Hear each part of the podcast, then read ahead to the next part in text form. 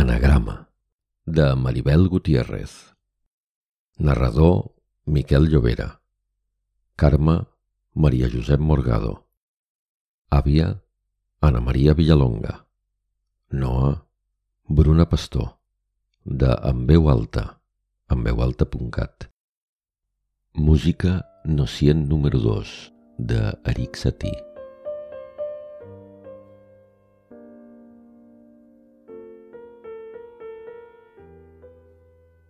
D'un temps ençà, la Carme es passava cada divendres per la botiga de joguines al barri antic. S'hi podia trobar de tot. Joguines de tota la vida i joguines modernes. Joguines de fusta, joguines fetes amb material reciclat i des de feia ben poc, joguines de segona mà. Joguines òrfanes, que en deien. Òrfanes. I haurien portat la petita Ona si la vida capriciosa de mena, no hagués decidit un diumenge de tardor posar-se a jugar i prendre-se-la com a penyora. Ella era òrfana de l'Ona. El dolor es va endur el Juli a l'altra punta del món.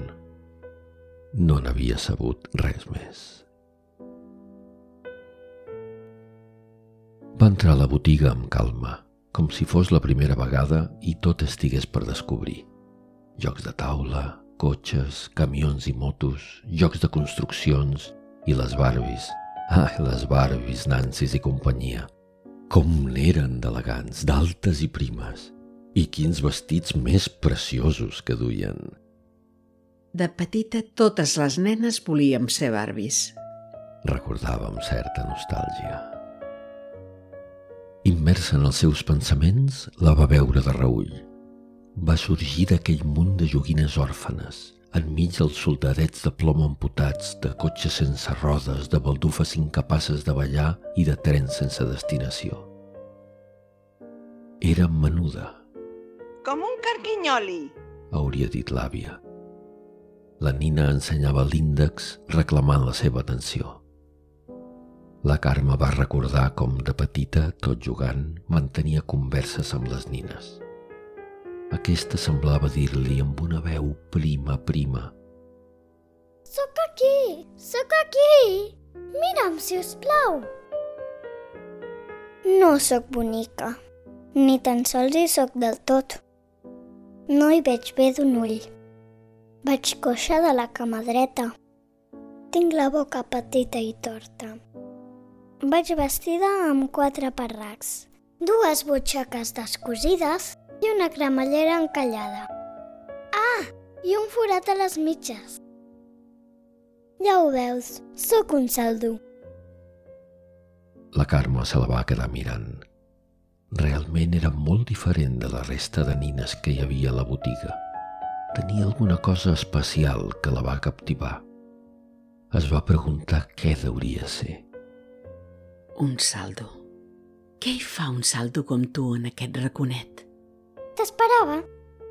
M'esperaves?